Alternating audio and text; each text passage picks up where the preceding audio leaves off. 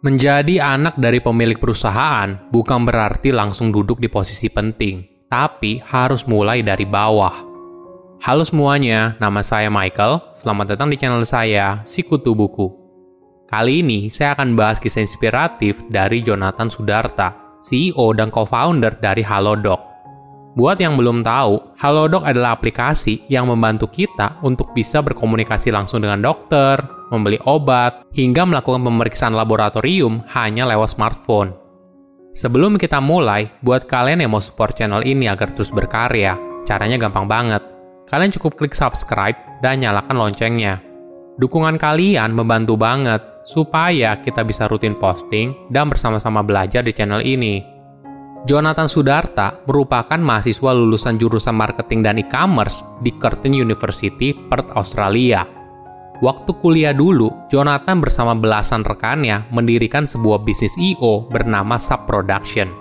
I.O.-nya lumayan sukses dan banyak membuat proyek besar dalam bidang entertainment. Bagi Jonathan saat itu, pekerjaan yang dijalaninya sangat cocok dengan passion. Selain itu, dia juga aktif bermain band dan olahraga seperti golf dan permainan hoki es. Bahkan, Jonathan sempat menjadi kapten tim nasional Indonesia untuk kejuaraan permainan hoki es. Namun, sebagai anak dari pemilik bisnis keluarga, Jonathan juga punya tanggung jawab. Dari awal, Jonathan sudah dipersiapkan oleh ayahnya menjadi penerus dari PT Menjangan Sakti atau dikenal dengan nama Mensa Group. Buat yang belum tahu, Mensa Group adalah perusahaan yang fokus utamanya bergerak di bidang kesehatan dan farmasi. Namun waktu itu, belum ada passion dari dirinya untuk bergabung ke dalam bisnis keluarga. Bahkan orang di lingkaran terdekat ayahnya sempat meragukan Jonathan. Mereka merasa kalau Mensa Group diteruskan oleh Jonathan, maka masa depan perusahaannya akan buruk. Maklum saja, setiap kali liburan kuliah, Jonathan pulang ke Indonesia dan diharuskan ke kantor untuk mengikuti rapat-rapat yang penting. Namun sepanjang rapat, Jonathan kelihatan tidak antusias. Tidak jarang juga dia sempat tertidur di dalam rapat. Ada pengalaman menarik yang mengubah pandangan Jonathan ketika bekerja di Mensa Group. Saat lulus kuliah, dia awalnya tidak tahu mau bekerja apa. Hingga akhirnya, Jonathan memutuskan untuk bekerja di Mensa Group. Walaupun begitu, ketika diskusi dengan ayahnya, dia bilang kalau Jonathan harus memulainya dari bawah, dan Jonathan setuju dengan pendapat ayahnya. Namun waktu itu, belum ada program manajemen trainee di Mensa Group, jadi, Jonathan sempat bingung harus mulai dari mana. Setelah diskusi lebih lanjut dengan ayahnya, akhirnya diputuskan pekerjaan pertama Jonathan di pelabuhan Tanjung Priuk. Di hari pertama Jonathan bekerja, dia sudah sempat kesal karena harus jalan dari rumah jam 5.30 pagi. Padahal biasanya dia baru bangun jam 11 siang. Ketika sampai di sana, dia bertemu dengan manajer yang ada. Jonathan pun diberikan uang 5 juta rupiah dalam nominal 1000 rupiah. Tugas dia di hari pertama adalah memberikan tips seribu rupiah kepada buruh yang mengangkat barang di sana. Saat membagikan tip kepada setiap buruh di sana, Jonathan bertemu dengan seorang bapak tua renta berusia 70 tahunan. Melihat bapak tersebut, dia tidak tega memberikan seribu rupiah. Dia ingin memberikan lima ribu rupiah. Namun tindakan ini dicegah oleh manajer di sana. Karena apabila Jonathan memberikan bapak tua itu lima ribu rupiah sebagai tipsnya, maka keesokan harinya semua orang akan meminta tips yang sama, yaitu Rp5.000. Akhirnya, Jonathan memberikan Rp1.000 kepada bapak tua tersebut dan dia melihat sendiri raut wajah bapak tua itu yang tulus mengucapkan terima kasih. Kejadian ini sangat membekas di benak Jonathan.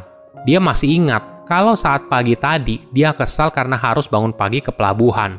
Namun saat itu dia masih naik mobil dan hidupnya masih enak.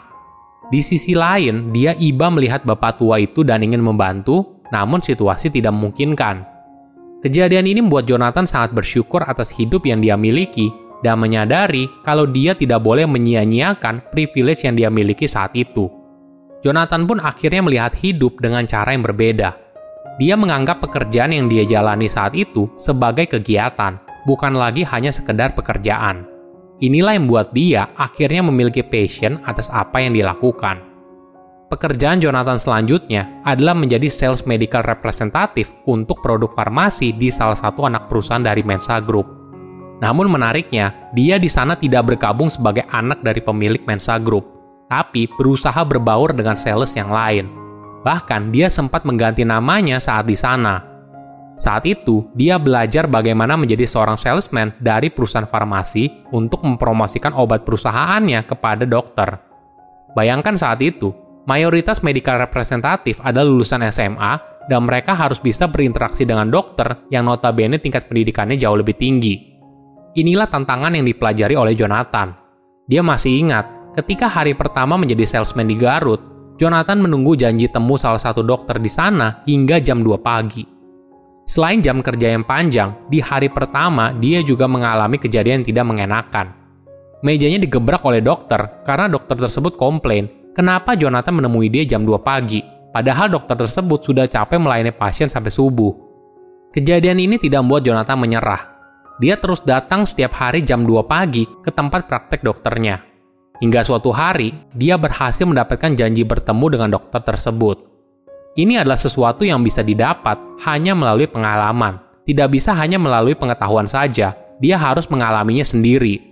Selain itu, dia merasakan sendiri bagaimana rekan-rekan yang lain mengatur keuangan pribadi mereka karena mereka hidup dari hari ke hari. Ini merupakan pengalaman yang berharga dan sebelumnya tidak pernah dirasakan oleh Jonathan. Dari situ, karirnya kemudian naik hingga jabatan terakhirnya menjadi Managing Director di Mensa Group. Setelah 15 tahun bekerja di perusahaan keluarga, Jonathan akhirnya memutuskan untuk mendirikan usaha sendiri. Usaha inilah yang kemudian bernama Halodoc.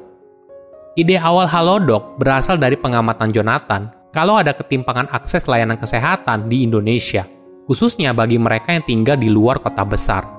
Hal ini disebabkan jumlah dokter dan jumlah penduduknya masih jauh dari seimbang. Jonathan memberikan data kalau hanya ada tiga dokter per 10.000 populasi orang. Bahkan, kalau tinggal di luar kota besar, pasien akan sangat sulit bertemu dengan dokter spesialis. Contohnya, saat dia menunggu untuk bertemu dokter sampai jam 2 pagi. Saat itu, dia juga bertemu dengan pasien yang juga menunggu waktu bertemu dengan dokter hingga larut malam. Bagi warga yang tinggal di kota besar, mereka juga punya masalah yang berbeda. Ada banyak kendala seperti kemacetan lalu lintas, antrian panjang di rumah sakit, hingga antrian panjang saat menebus obat di apotik. Bagi Jonathan, ini adalah peluang untuk memberikan solusi atas permasalahan yang ada dengan bantuan teknologi. Itulah awal mulanya Halodoc muncul pada tahun 2016 sebagai perusahaan teknologi yang melayani di bidang telekonsultasi kesehatan. Walaupun idenya sangat solutif, saat itu belum ada model bisnis seperti itu di Indonesia. Jonathan lalu pergi ke Kementerian Kesehatan untuk mempresentasikan idenya. Awalnya dia mendapat penolakan dari staf Kemenkes di sana. Namun beruntungnya, Direktur Jenderal pada masa itu sangat open-minded dan memberikan Jonathan kesempatan untuk menjelaskan lebih detail cara kerja model bisnisnya, sehingga pemerintah dapat membuat regulasi yang tepat. Hingga akhirnya, saat ini Halodoc sudah menjadi mitra pemerintah dalam bidang telemedicine penanganan COVID-19, sehingga akses layanan kesehatan dapat lebih merata di Indonesia, khususnya untuk masyarakat di daerah terpencil. Menjadi anak dari pemilik perusahaan bukan berarti langsung duduk di posisi penting tapi harus mulai dari bawah. Pengalaman ini akan menempa kamu menjadi pemimpin yang hebat di masa depan. Silahkan komen di kolom komentar pelajaran apa yang kalian dapat ketika tahu informasi ini. Selain itu, komen juga mau tahu informasi apa lagi yang saya review di video berikutnya. Saya undur diri, jangan lupa subscribe channel YouTube Sikutu Buku. Bye bye.